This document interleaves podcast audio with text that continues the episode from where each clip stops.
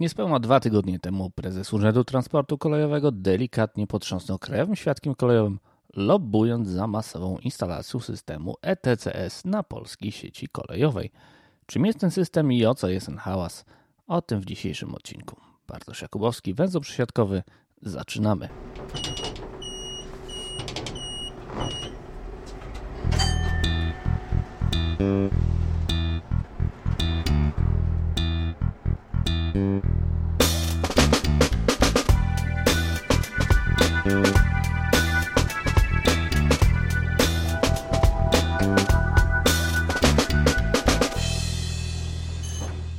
Jak wiadomo, jest bardzo bezpieczna, a skoro jest bezpieczna, to po co coś poprawiać? Prezes Urzędu Transportu Kolejowego Ignacy Góra twierdzi, że jednak wcale nie jest aż tak dobrze, bo początek 2021 roku to odnotowana seria przypadków przejechania przez pociągi sygnałów stój. Mówiąc z angielska chodzi o tak zwany SPAD – Signal Passed at Danger. Czym takie coś grozi? No, nie trudno sobie wyobrazić. Wiele osób mniej zainteresowanych koleją z pewnością pewnie teraz domyśla się, że musi być jakiś bezpiecznik, który w takiej sytuacji zatrzyma pociąg. Cóż, takiego bezpiecznika w Polsce niestety nie ma. Chyba, że będzie to dyżurny ruchu, który widząc całą sytuację włączy sygnał alarm zwany również radiostopem.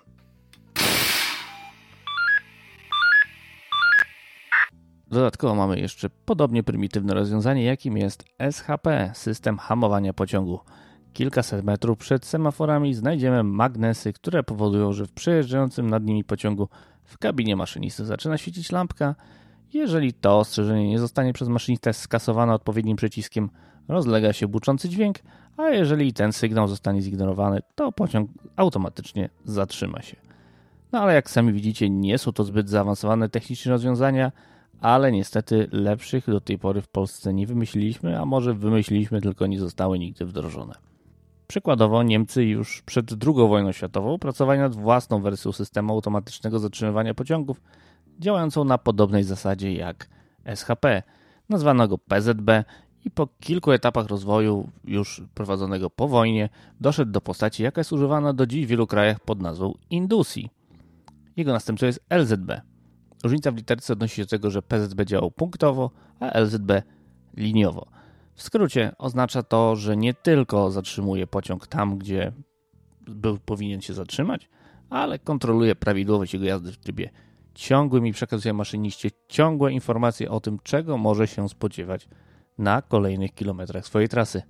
Dziś system LZB jest stosowany jako podstawa zabezpieczenia ruchu na wielu niemieckich liniach, ale również w Austrii czy w Hiszpanii. Z uwagi jednak na fakt, że w różnych krajach rozwijano własne systemy, no jak na przykład czeski LS, pojawiła się chęć ich integracji. I stąd pojawił się pomysł na ETCS, czyli European Train Control System. Otwarty standard dla kolejowej sygnalizacji kabinowej, czyli takiej, która podpowie maszyniście, jak powinien prowadzić pociąg, żeby było to bezpieczne.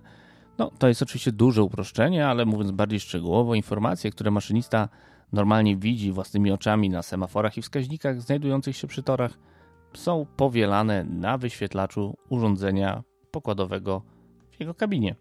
Dodatkowo system ETCS pilnuje, czy maszynista się stosuje do tych wskazań, a jeżeli się nie stosuje, to ma za zadanie zredukować prędkość czy wręcz zatrzymać pociąg.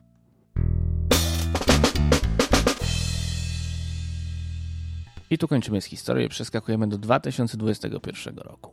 Propozycja prezesa Urzędu Transportu Kolejowego sprowadza się do tego, żeby na wszystkich liniach kolejowych w Polsce wprowadzić przynajmniej system ETCS w wersji Limited Supervision czyli mówiąc po naszemu ograniczonego nadzoru. No, oczywiście pytanie, na czym ten ograniczony nadzór polega? Mniej więcej na tym, że oczywiście w stosunku do właściwego systemu ETC z poziomu pierwszego, że nie przekazujemy maszyniście wszystkich informacji, czyli o każdym przejeździe, o każdym ograniczeniu prędkości i każdej innej sytuacji, na którą powinien zareagować, tylko wybrane i nie w każdym miejscu kontrolujemy, czy się on do nich stosuje, ale tylko w tych miejscach, które uznajemy za krytyczne, na przykład przed semaforami, czyli tam, gdzie powinien się ewentualnie zatrzymać lub zwolnić. No i w Europie są już całkiem długie odcinki tras, y, na których system ETCS właśnie w takiej wersji funkcjonuje i bynajmniej są to linie lokalne. I w tym miejscu pojawia się dyskusja, którą wszczął prezes Urzędu Transportu Kolejowego. Bo z jednej strony mogłoby się wydawać, że w Polsce System oferujący taką funkcjonalność, czyli automatyczne zatrzymywanie pociągu w momencie, kiedy maszynista jedzie tam, gdzie jechać nie powinien, no, taki system powinien już dawno być i powinniśmy z niego korzystać. Z drugiej ze strony, jak pokazuje przykład chociażby Czech, gdzie kultowe motoraki dojeżdżają od najmniejszych wiosek, wcale nie potrzebujemy drogich systemów zabezpieczenia ruchu, żeby do tych właśnie najmniejszych miejscowości pociągi mogły jeździć co godzinę albo i częściej. Z trzeciej ze strony, ta czeska jazda na słowo honoru czasem kończy się tragicznie. I nawet w tych wspaniałych kolejowych y, Czechach, które są rajem dla miłośników kolei, dochodzi do tych tragicznych wypadków i to czasem nawet na tych liniach, gdzie ruch odbywa się na uproszczonych zasadach, czyli na tak zwanej instrukcji D3. Instrukcja D3 to jest taki uproszczony system prowadzenia ruchu stosowany na wielu liniach lokalnych w Czechach, gdzie na stacjach nie ma ani semaforów, ani dyżurnych ruchu, a zwrotnice przekładają się same e, albo robią to maszyniści, a zgody na jazdę udziela im dyspozytor odcinkowy przez radiotelefon. Jeżeli interesuje Was, czym dokładnie jest instrukcja D3, co się dzieje, kiedy się jej nie przestrzega, to zapraszam Was do 109 numeru z biegiem szyn. Link znajdziecie w opisie odcinka. A my tymczasem wrócimy do głównego tematu. Otóż w Polsce nie mamy takiej uproszczonej instrukcji o prowadzeniu ruchu na liniach lokalnych, mało obciążonych, czy jak je tam nazwiemy.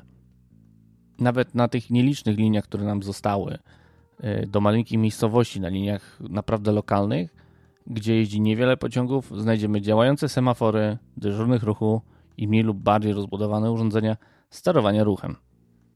Ponadto w Polsce każdy pociąg, który wyprawia się ze stacji, musi być odpowiednio zapowiedziany dyżurnemu ruchu następnego posterunku, a jego odjazd musi być zabezpieczony.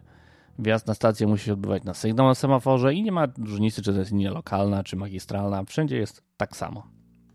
I tu właśnie nabiera rumieńców ta cała dyskusja o systemie TCS. Bo nikt nie kwestionuje jego przydatności na głównych liniach, gdzie pociągów jest dużo, gdzie warto zabezpieczyć ten ruch, gdzie jeździmy szybko, gdzie potrzebujemy tej przepustowości, bezpieczeństwa, sprawnego prowadzenia ruchu. Wątpliwości pojawiają się tam, gdzie pociągów jest mało, linie są niezelektryfikowane, jednotorowe i tutaj dla porządku możemy nazwać je wszystkie lokalnymi albo mało obciążonymi. W Polsce mieliśmy do tej pory dwie próby uproszczonego zabezpieczenia ruchu na liniach mało obciążonych. Flagowym przykładem był to system, który do 2010 roku funkcjonował na linii ze Szczecinka do Słupska. Nazywany był często systemem Kapsz, no co trochę mija się z prawdą, bo Kapsz faktycznie dostarczył na potrzeby tego rozwiązania część urządzeń, ale były to jedynie radiotelefony działające w systemie łączności e, Zugleit Funk 2000. Przepraszam, słabo mówię po niemiecku. I na tej linii ze Szczęśnika do Słupska, oprócz zwykłej stacji w Białym Borze, istniały cztery mijanki sterowane automatycznie. Pociąg, który zbliżał się do takiej mijanki, aktywował urządzenia, które samoczynnie nastawiały przed nim rozjazd, pozwalający mu wjechać na tą mijankę i zatrzymać się przy peronie. Zezwolenia na wjazd i wyjazd takich mijanek udzielał przez ten właśnie specjalny radiotelefon dyżurny ruchu, który miał na ekranie komputera podgląd na sytuację na tym całym nadzorowanym przez siebie odcinku. Semaforów z prawdziwego zdarzenia na tej linii nie było. Jedynie sygnalizatory, które wskazywały położenie tych automatycznych zwrotnic, a śledzenie pozycji pociągu i całej jego integralności, czyli tego, czy przypadkiem nie rozerwało nam się skład, nie urwały nam się od niego wagony, odbywało się za pomocą liczników osi, no i nad tą całością czuwał właśnie ten dyżurny, który siedział w Białym Borze i na ekranie komputera miał pełny podgląd tego, co się działo na tej linii. Podobny, ale jeszcze prostszy system funkcjonował na linii ze Stargardu do Kalisza Pomorskiego. Tam dwie mijanki były obsługiwane przez y, zwrotnice samopowrotne, czyli takie, które po przejeździe pociągu wracały do stanu pierwotnego, a komunikacja odbywała się na pomocą zwykłego radiotelefonu kolejowego. Niestety, po zderzeniu czołowym pociągów pod Korzybiem w lipcu 2010 roku system mijanek automatycznych został wyłączony, chociaż wcale to nie ten system zawinił. Na stacji w Korzybiu nigdy nie zainstalowano anteny od systemu komunikacji Funk 2000, e, co powodowało, że w tym miejscu na linii nie było zasięgu radiołączności, a łączność przez zwykły kolejowy radiotelefon nie miała w tym miejscu dostatecznego zasięgu. Pociągach, które się zderzyły, nie było w ogóle radiotelefonów e, tego systemu, albo były tylko, że niesprawne. Co więcej, na takie sytuacje system był oczywiście przygotowany, bo wzdłuż toru była specjalna linia, do której można było się podłączyć tak zwanym telefonem polowym, ale tych aparatów też nie było w lokomotywach. E, za to nagminnie używano do komunikacji z tym dyżurnym ruchu e, telefonów komórkowych. Jak się domyślacie, żadna, nawet najbardziej liberalna instrukcja nie dopuszcza takiego systemu prowadzenia ruchu. No do tego dochodzi oczywiście cała seria innych nieprawidłowości, o których możecie przeczytać w raporcie Państwowej Komisji Badania Wypadków Kolejowych. Jak są cały czas dostępne na stronach komisji.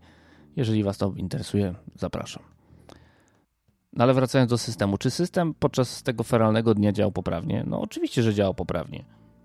Dyżurny ruchu wtedy doskonale wiedział, co się dzieje na linii, ale z powodu braku poprawnego funkcjonowania urządzeń, całkowitego pogwałcenia wszystkich procedur i tego wszystkiego, co się wtedy działo, mógł tylko patrzeć na kolejne ostrzeżenia, jakie dawał mu system, który do końca informował go o tym, że dwa pociągi jadą na wprost siebie, a on nie mógł z tym już kompletnie nic zrobić. To polewizm? No, możemy tak powiedzieć. Natomiast tak czy owak to zdarzenie na wiele lat pogrzebało możliwość zafunkcjonowania uproszczonego systemu sterowania ruchem pociągu w Polsce. Przenieśmy się na chwilę znów do Czech, kończąc już ten temat. Tam, po fali wypadków, która miała miejsce kilkanaście lat temu, na właśnie na liniach prowadzonych e, za pomocą uproszczonego systemu sterowania ruchem, czyli według instrukcji D3, na jednej z takich linii wprowadzono system Radioblock. System został przygotowany przez firmę AZD Praha, więc jest to wynalazek czeski. Działa on dość podobnie do tego, z czym mieliśmy do czynienia na linii Szczecinek-Słupsk, z tym, że każdy pojazd ma dodatkowe urządzenie pokładowe, takie trochę bardziej uproszczone w stosunku do tego, co jest w systemie ETCS, które informuje maszynista o zgodzie na jazdę lub nie, a lokalizacja pociągu jest na bieżąco kontrolowana poprzez lokalizator GPS, a te informacje są przekazywane przez łączność GSM. Problem jednak polega na tym, że Czesi wdrożyli ten system tylko na jednej linii.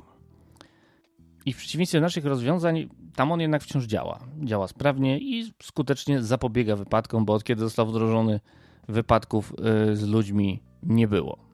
Zdarzyło się jedno wykolejenie z tego, co udało mi się znaleźć. I tu powstaje pytanie. Z pewnością wielu, was, wielu z Was sobie je zadaje teraz.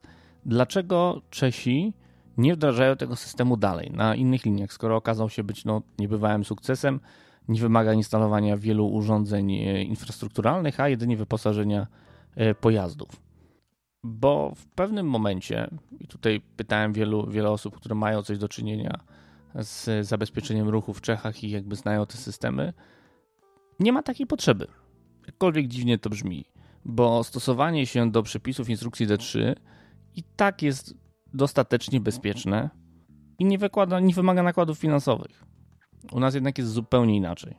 Wydajemy duże pieniądze na zabezpieczenia, które w zasadzie niczego nie zabezpieczają, bo jak pokazuje wypadek z lutego na stacji Grodzisko Dolne koło Stalowej Woli, to tam, gdzie pociąg y, Intercity wjechał w lokomotywę jadącą luzem, nadal do takich wypadków dochodzi. A przecież mieliśmy pełne urządzenia zabezpieczenia ruchu. Były semafory, była blokada liniowa, był dyżurny ruchu, a jednak do zderzenia doszło na szczęście, nikomu nic się nie stało. Przygotowując odcinek zadałem serię pytań e, rzecznikowi prasowemu Urzędu Transportu Kolejowego. Niestety nie dostałem żadnej odpowiedzi na temat wdrożenia systemu ETCS w Polsce, na temat tej propozycji. Postanowiłem więc zapytać eksperta o to, czy faktycznie system ETCS poziomu pierwszego z ograniczonym nadzorem jest rozwiązaniem problemów, o których mówiłem i z którymi borykamy się na krajowej sieci kolejowej. O tym, czym jest system ETCS, jak działa, co daje, ile kosztuje i co możemy z niego wyciągnąć w codziennej eksploatacji, porozmawiam z człowiekiem, który troszeczkę zębów zjadł już na urządzeniach sterowania ruchem kolejowym.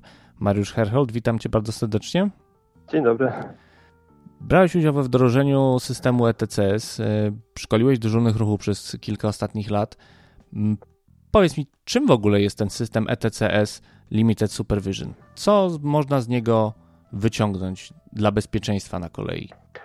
Przede wszystkim e, zacznę od takiego określenia jak e, zezwolenie na jazdę i żeby powiedzieć coś e, więcej, to na chwilę zapomnijmy o ETCS-ie.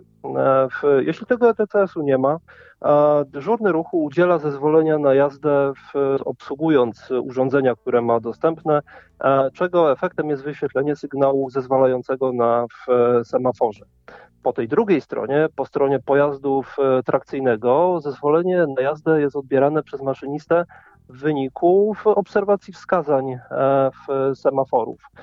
I w, maszynista interpretuje te, te wskazania i na ich podstawie prowadzi w pociąg. Jeśli mówimy natomiast o ETCS-ie, to to samo określenie zezwolenie na jazdę pojawia nam się E, pod skrótem e, MA i jest bardzo ważnym elementem całego ETCS-u, e ponieważ w, w ETCS-ie to zezwolenie na jazdę jest przekazywane do pojazdu trakcyjnego z wykorzystaniem urządzeń. I dzięki wykorzystaniu tych e, urządzeń pojawia nam się ta wartość e, dodana do bezpieczeństwa, ponieważ e, warto pamiętać o istotnej rzeczy, że o ile po stronie dyżurnego ruchu jest on wspomagany w mniejszym lub większym stopniu rozwiązaniami automatyki kolejowej, to po stronie maszynisty odebranie tego sygnału, tego zezwolenia na jazdę, jego prawidłowa interpretacja w, w nie jest e, wspomagana żadnymi dodatkowymi urządzeniami. Mamy co prawda system mm, SHP, z tym, że on e, ostrzeże maszynistę o zbliżaniu się do sygnalizatora, natomiast nie powie nic na temat, czy ten sygnalizator wyświetla sygnał zezwalający, a jeśli tak, e, to w, jaką informację niesie ze sobą w szczegółach ten sygnał zezwalający. E, wykorzystując system e, w ETCS, e, w, nawet w tej wersji Limited Supervision, w, możemy przekazać do pojazdu trakcyjnego te zezwolenie na jazdę w taki sposób, że przynajmniej w założeniu pomoże maszyniście w, właściwie zinterpretować to zezwolenie, a jeśli ta właściwa interpretacja by nie nastąpiła, ograniczy nam prędkość jazdy tego w pociągu lub zatrzyma pojazd e, w trakcyjny. To jest akurat szczególnie istotna funkcja e, w systemu, biorąc pod uwagę mm, zdarzenia związane z przejechaniem sygnału stój na, na sygnalizatorze. No tak, czyli w tym momencie nie tylko dyżurny ruch otrzymuje jakby sprzętowy backup siebie jako operatora urządzeń, ale też taki backup pojawia się po stronie maszynisty. Zgadza się. Pojawia się tutaj bardzo mocne wsparcie dla, dla maszynisty. Jest to zresztą jedno z podstawowych założeń systemu ETCS. Okej, okay, no ale mamy też sytuacje różne nietypowe. Mamy odjazdy na sygnały zastępcze, na rozkazy pisemne. E, czasami zdarza się, że na przykład w ogóle nie ma semafora przy jakimś torze. I co wtedy zrobić? Jak odjechać z systemem ETCS w takiej sytuacji? Na całe szczęście system ETCS przewiduje różne e, możliwości. Tu trzeba też wziąć pod uwagę, że mm, chociaż e, system ETCS wydaje nam się, że jest rozwiązaniem e, dość niedawnym i mocno współczesnym, to prace nad nim tak naprawdę, czy też pierwsze pomysły pojawiły się na przełomie lat 80. i 90. E, I od tego czasu trwały analizy, wdrożenia, różne próby związane z systemem i udało się wypracować sposoby na działanie tego systemu w różnych warunkach warunkach, jak chociażby właśnie w, przy okazji jazdy na sygnał e, zastępczy czy e, rozkaz pisemny. Okej, okay. wiemy o tym, żeby działały blokady liniowe, semafory, te wszystkie urządzenia zabezpieczenia ruchu po stronie dyżurnego, o których powiedziałeś, no to jednak musimy mieć e, tą infrastrukturę działającą, musimy mieć tę infrastrukturę ze sobą kompatybilną. A co zrobić w sytuacji, kiedy na przykład mamy semafory kształtowe na danej stacji czy można w ogóle podłączyć system ETCS na przykład do starych y, semaforów kształtowych, do mechanicznych urządzeń, takich, które jeżeli ktoś by się zastanawiał, co, co to są mechaniczne urządzenia, to wyjaśniam laikom, chodzi o te urządzenia, które dyżurni tradycyjnie przestawiają taką wielką wajchą. Czy do takich urządzeń można podłączyć ETCS? Akurat nie spotkałem się z e, przypadkiem, aby był wykorzystywany ETCS przy urządzeniach e, w całości mechanicznych z sygnalizacją e, kształtową i być może przy odpowiedniej modyfikacji urządzeń przetorowych było to, byłoby to możliwe. Natomiast nic nie stoi na przeszkodzie wykorzystanie poziomu pierwszego, również tej wersji Limited Supervision przy chociażby urządzeniach mechanicznych, ale wyposażonych w sygnalizację świetlną, ponieważ te urządzenia przetorowe działają w taki sposób, w poziomie pierwszym, to warto cały czas podkreślić, że sprawdzają, jaki jest sygnał wyświetlony na danym semaforze, po prostu mierząc prąd w obwodach sygnałowych. I jeśli tylko zostanie odpowiedni sygnał zidentyfikowany, na tej podstawie jest wypracowane e, zezwolenie na, e, na jazdę. Także na pytanie, czy akurat przy sygnalizacji kształtowej, obawiam się, że nie, nie odpowiem, e, ale już na przykład, jeśli tylko mamy sygnalizację świetlną, niezależnie od tego, jaki mamy typ urządzeń, byłoby to możliwe. Jak to się ma w sytuacji właśnie tych nietypowych y, rozwiązań? Często na polskiej sieci kolejowej możemy spotkać no, niesamowite druciarstwo wręcz czasem może się wydawać, kiedy mamy właśnie stare urządzenia mechaniczne, do tego są jakieś dość specyficzne, potem dorabiane pulpity podczas przebudowy na sygnalizację świetlną. Mamy właśnie jakieś różne, czasem jeszcze można nawet spotkać przecież y, semafory wyświetlające stare sygnały sprzed wielu lat według instrukcji. Oczywiście jest, jest już ich bardzo mało i to są zupełne wyjątki, ale jak w takich sytuacjach y, działać system ETCS? Czy to nie jest trochę takie, no, takie przypinanie siodła do, do, do, do krowy, przepraszam? Być może trochę by i tak było, natomiast faktem jest, że obserwujemy tendencję do eliminacji chociażby na przykład tych starych e, sygnałów, których jest faktycznie e, już bardzo niewiele teraz e, na sieci. W ostatnich, w ostatnich latach, w ostatnim czasie na w paru stacjach, e, również takich większych, gdzie można było spotkać e, tą starszą sygnalizację, e, już mamy nowe urządzenia komputerowe wyświetlające te współczesne sygnały. Podobnie zresztą rzecz się ma z sygnalizacją e, kształtową. Pomijając naprawdę bardzo niewielkie wyjątki, e, przy okazji modernizacji rezygnujemy z e, sygnalizacji kształtowej, przestawiając się w całości na, na świetlną. Więc pod tym względem akurat wdrożenie systemu ETC z poziomu pierwszego w tej wersji Limited Supervision nie powinno nastręczać problemów. Ale jak dobrze wiemy i rozumiem, że możesz mi to potwierdzić, urządzenie urządzenia przekaźnikowe e, z pulpitem kostkowym nie są i sygnalizacją świetlną oczywiście nie są żadną przeszkodą, żeby do takich urządzeń nie domontować ETCS. Czyli nie musimy wszędzie komputerów montować.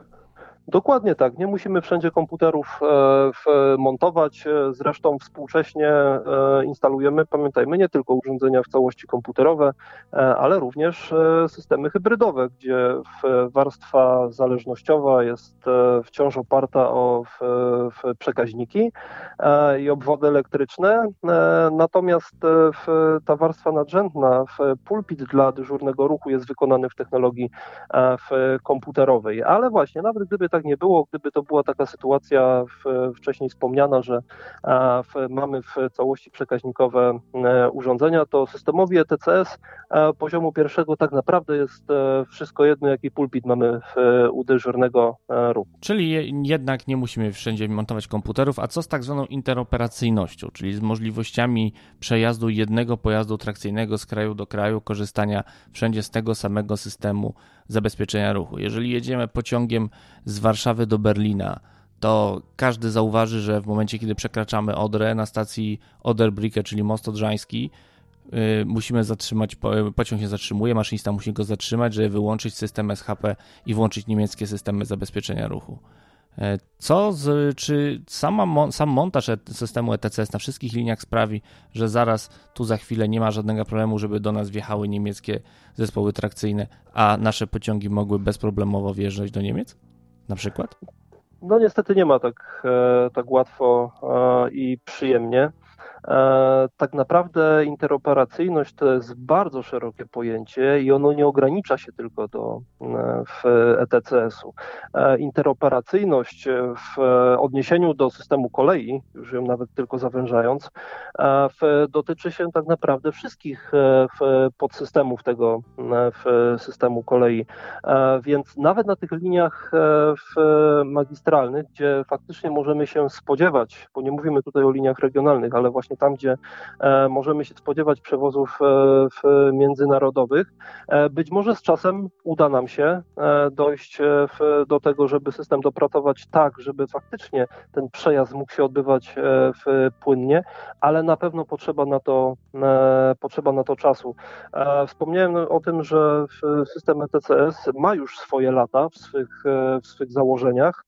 E, I sporo w tym zakresie zostało już e, zrobione, ale chociażby właśnie przykład połączenia Warszawy z Berlinem, czyli styku w Polski i Niemiec, jest przykładem, e, że wciąż jeszcze mamy coś do zrobienia. Okej. Okay. Powiedziałeś o interoperacyjności, ale powiedziałeś to w kontekście właśnie głównych linii. Czy naprawdę system ETCS jest nam potrzebny na takich liniach, które byśmy nazwali mianem regionalnych albo wręcz lokalnych, chociaż tych drugich w Polsce to właściwie ze świecą można szukać? No ale jakby mamy tą jedną linię, czyli z Poznania do Wągrowca, na której ten system działa, ale czy w ogóle ktokolwiek z tego systemu tam korzystał kiedyś? To, czy, czy ktokolwiek skorzystał z systemu w tego poziomu pierwszego Limited Supervision na linii Poznań-Wągrowiec, myślę, że to by mogło być dobre pytanie do zarządcy infrastruktury. E, faktem jest, że e, system został tam e, zabudowany już pewien czas temu. Na pewno odbyły się jego próby eksploatacyjne i to w tyle, co, co wiemy. Natomiast odpowiadając na to pytanie, czy faktycznie potrzebujemy aż w systemu ETCS na, w, na liniach regionalnych, E, tu myślę warto pamiętać, że ten pomysł z budową e, systemu ETCS na liniach e, regionalnych, który pojawił się w niedawnym artykule prezesa Urzędu Transportu Kolejowego, to jest pomysł wynikły z bardzo konkretnej potrzeby. Zaczęliśmy w pewnym momencie poszukiwać systemu, który E, wspomógłby e, maszynistę i zapobiegł zdarzeniom związanym z przejechaniem e, samofora wyświetlającego sygnał stój bez wymaganego zezwolenia. I ten system ETCS poziomu pierwszego w wersji LS, on jak najbardziej e, w, może być pewną odpowiedzią e, w, na to. E, oczywiście myślę, że nikt nie wpadłby na pomysł, żeby w wyższe poziomy lub pełną wersję tego ETCS-u ze względu na koszty instalować na takiej, na takiej linii.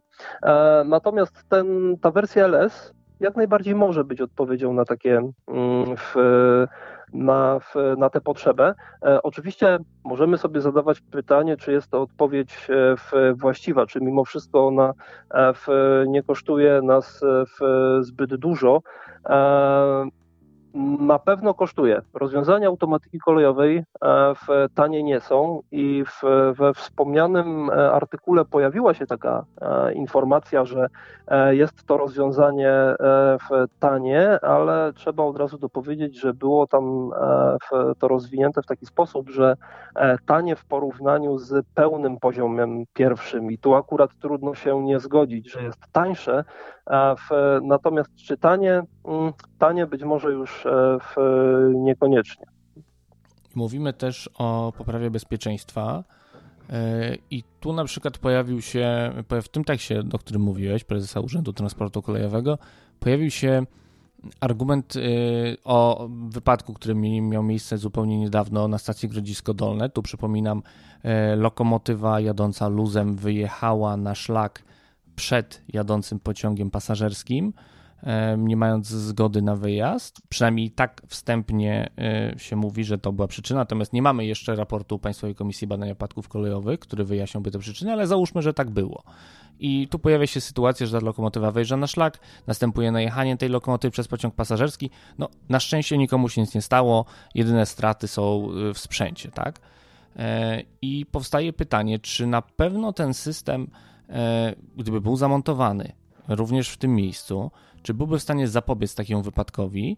No bo możemy sobie powiedzieć tak, że przecież y, no teoretycznie powinien pomóc, ale z drugiej strony, jeżeli spojrzymy na inne wypadki, które mieliśmy na sieci kolejowej, na przykład y, głośny wypadek z 2017 roku na stacji Smentowo, gdzie e, lokomotywa towarowa też e, razem z całym pociągiem towarowym zresztą wjechała jakby w skrajnie toru, którym jechał też pociąg pasażerski i okazało się, że w tej lokomotywie był wyłączony ten, nawet ten prymitywny i niezapobiegający przed niczym system SHP.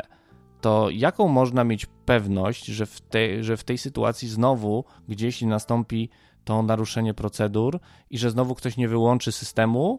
E, w jaki sposób możemy próbować zapobiegać takim sytuacjom? A to jest bardzo ważny temat akurat, ponieważ e, faktem jest, że właśnie tak jak SHP można wyłączyć, tak e, system ETCS też można przełączyć do, do takiego trybu, e, że on nie zareaguje na ten, e, na ten semafor. W podanych zdarzeniach mogłoby być tak, że ETCS pomógłby nam ich uniknąć, ale gdyby się okazało, że jest w nie takim trybie, jak trzeba, to dochodzimy e, ostatecznie do konkluzji, że nie kto inny jak ludzie e, obsługują ten, e, ten system i różne rozwiązania da się, da się zwyczajnie obejść. Więc oczywiście mm, końcem końców zawsze dojdziemy do tego, że bardzo ważne jest wyszkolenie personelu, w szkolenie z w obsługi w systemów, które mają e, w dyspozycji, szkolenie również ze świadomości tego, co niesie za sobą błąd e, popełniony w procesie w kolejowym. E, natomiast to oczywiście nie oznacza, że możemy stwierdzić, no to skoro każdy system da się wyłączyć, to możemy nie stosować żadnego, bo końcem końców my nie wyeliminujemy ryzyka powstania sytuacji niebezpiecznej, ale możemy je znacząco takim systemem obniżyć. Oczywiście, jak najbardziej. Tu wciąż powstaje moje pytanie. Jeżeli spojrzymy sobie na stronę z raportami Państwowej Komisji Badania Wypadków Kolejowych, to dość szybko orientujemy się, że większość wypadków tak naprawdę właśnie dotyczy takich błędów ludzkich. Aktualnie większość y, badanych wypadków w większości dotyczy sytuacji wjazdu po prostu samochodu na przejazd, którego tego samochodu tam absolutnie nie powinno być. E, natomiast pozostałe wypadki często właśnie dotyczą e, tego, że wszelkie systemy są obchodzone. Czyli y, pytanie, czy my w tym momencie mamy problemy takie, że przy działających urządzeniach e, dochodzi na polskiej sieci, to jest prośba o opinię Twoją w tej mhm. sprawie.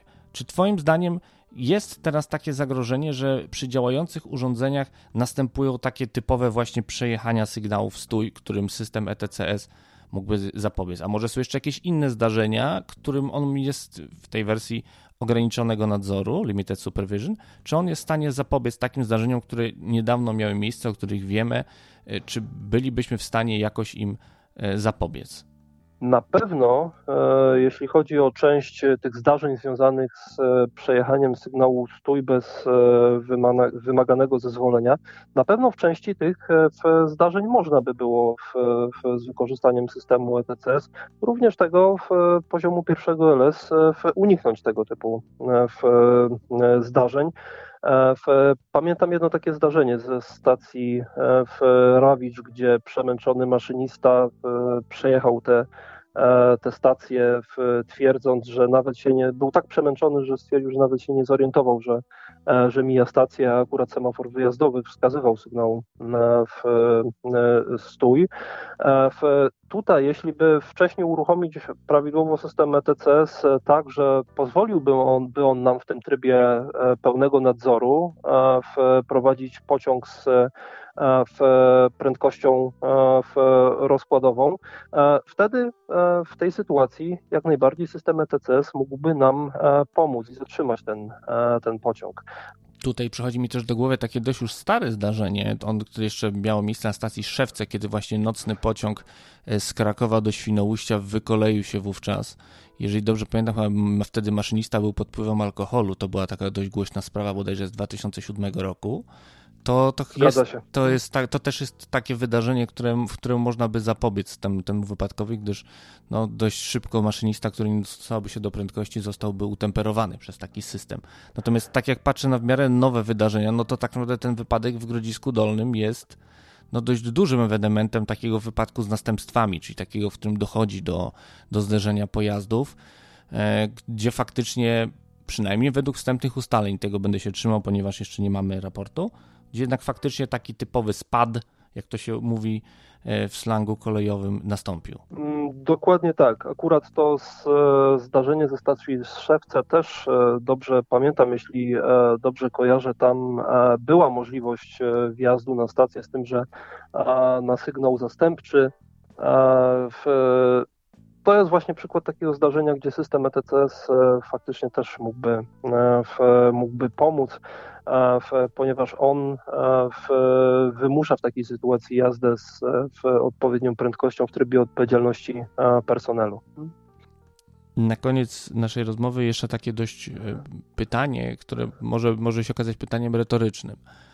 Patrząc na różne wypadki, które mieliśmy na sieci kolejowej, E, czy nie obawiasz się, że takie powszechne wdrożenie systemu ETCS e, w sytuacjach, kiedy jednak brakuje tej kultury bezpieczeństwa, kiedy brakuje tej świadomości tego, czym grozi niedochowanie procedur, gdzie te procedury potrafią być nawet, jak dobrze wiemy, latami niedochowywane, czy to nie będzie trochę tak, że mimo wszystko wydamy pieniądze na dobry system, jeżeli tak by było, że miałby być na całej sieci, e, ten system będzie działał, tylko że gdzie niegdzie będą właśnie ten czynnik ludzki będzie ten system po prostu próbował obejść, wyłączyć i mimo wszystko e, do tych wypadków niestety może nadal dochodzić. Myślę, że tego e, niestety nie unikniemy, e, że w, do wypadków będzie mm, dochodzić. To jest myślę też to, o czym e, wspomniałem wcześniej, że taki ETC zastosowany powszechnie na sieci, czy tak naprawdę jakiekolwiek inne rozwiązanie, które mogłoby nam tutaj pomóc, ono nie ma za zadanie w 100% wyeliminowania wszystkich sytuacji E, w niebezpiecznych, co też między innymi wynika z tego, że e, bezpieczeństwo techniczne to nie jest e, wielkość zero-jedynkowa, że albo jest, albo go, go nie ma. Ono ma za zadanie nam podnieść poziom tego bezpieczeństwa i jeśli to będą tylko wybrane sytuacje, w których ten czy inny system pomoże nam zapobiec danemu w, w zdarzeniu, to myślę, że że warto. Miejmy nadzieję. Choć oczywiście nie mm, pomijając te przykre incydenty i wypadki, które zdarzają się od czasu do czasu, kolej jest generalnie i tak drugim najbezpieczniejszym na świecie środkiem transportu, zaraz po transporcie lotniczym, a chociaż ten chwilowo raczej mało nam jest w stanie pomóc. Mariusz Herhold, człowiek, który na urządzeniach SRK zjadł kilka zębów, przeszkolił wielu dyżurnych. Bardzo Ci dziękuję za tę rozmowę. Serdecznie dziękuję.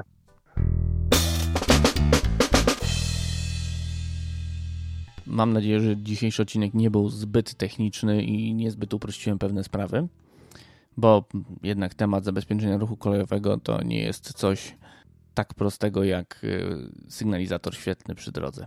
Jeżeli macie swoje uwagi, komentarze, z którymi chcielibyście się podzielić, serdecznie zapraszam do komentowania tego odcinka w social mediach. A tradycyjnie na koniec, żegnając się z Wami, Chciałem serdecznie podziękować wszystkim patronom podcastu, a w szczególności tym, którzy korzystają z biletów okresowych. A są to Paweł Zegartowski, Paweł Szczur, Tomasz Tarasiuk, Monika Stankiewicz, Paweł Łapiński, Andrzej Kaźmirowski, Peter Jancowicz, Janka, Jerzy Mackiewicz, Jakub Kucharczuk, Michał Cichosz, Łukasz Filipczak, Filip Lachert, Jacek Szczepaniak, Jurek Gozdek, Kuba Czajkowski, Piotr Rachwalski, Grzegorz Roman-Kenig, MJ, Jakub Burdziński, Jakub Madrias, Paulina Matysiak, MP, Szymon Wojdziak i Piero. Jeżeli chcecie dołączyć do tego towarzystwa, serdecznie zapraszam Was na patronite.pl przesiadkowy. A tymczasem coraz bliżej jest do setnego odcinka. Myślę, że zorganizujemy niebawem jakiś konkurs. Słuchajcie uważnie. A na dziś to wszystko. Do usłyszenia.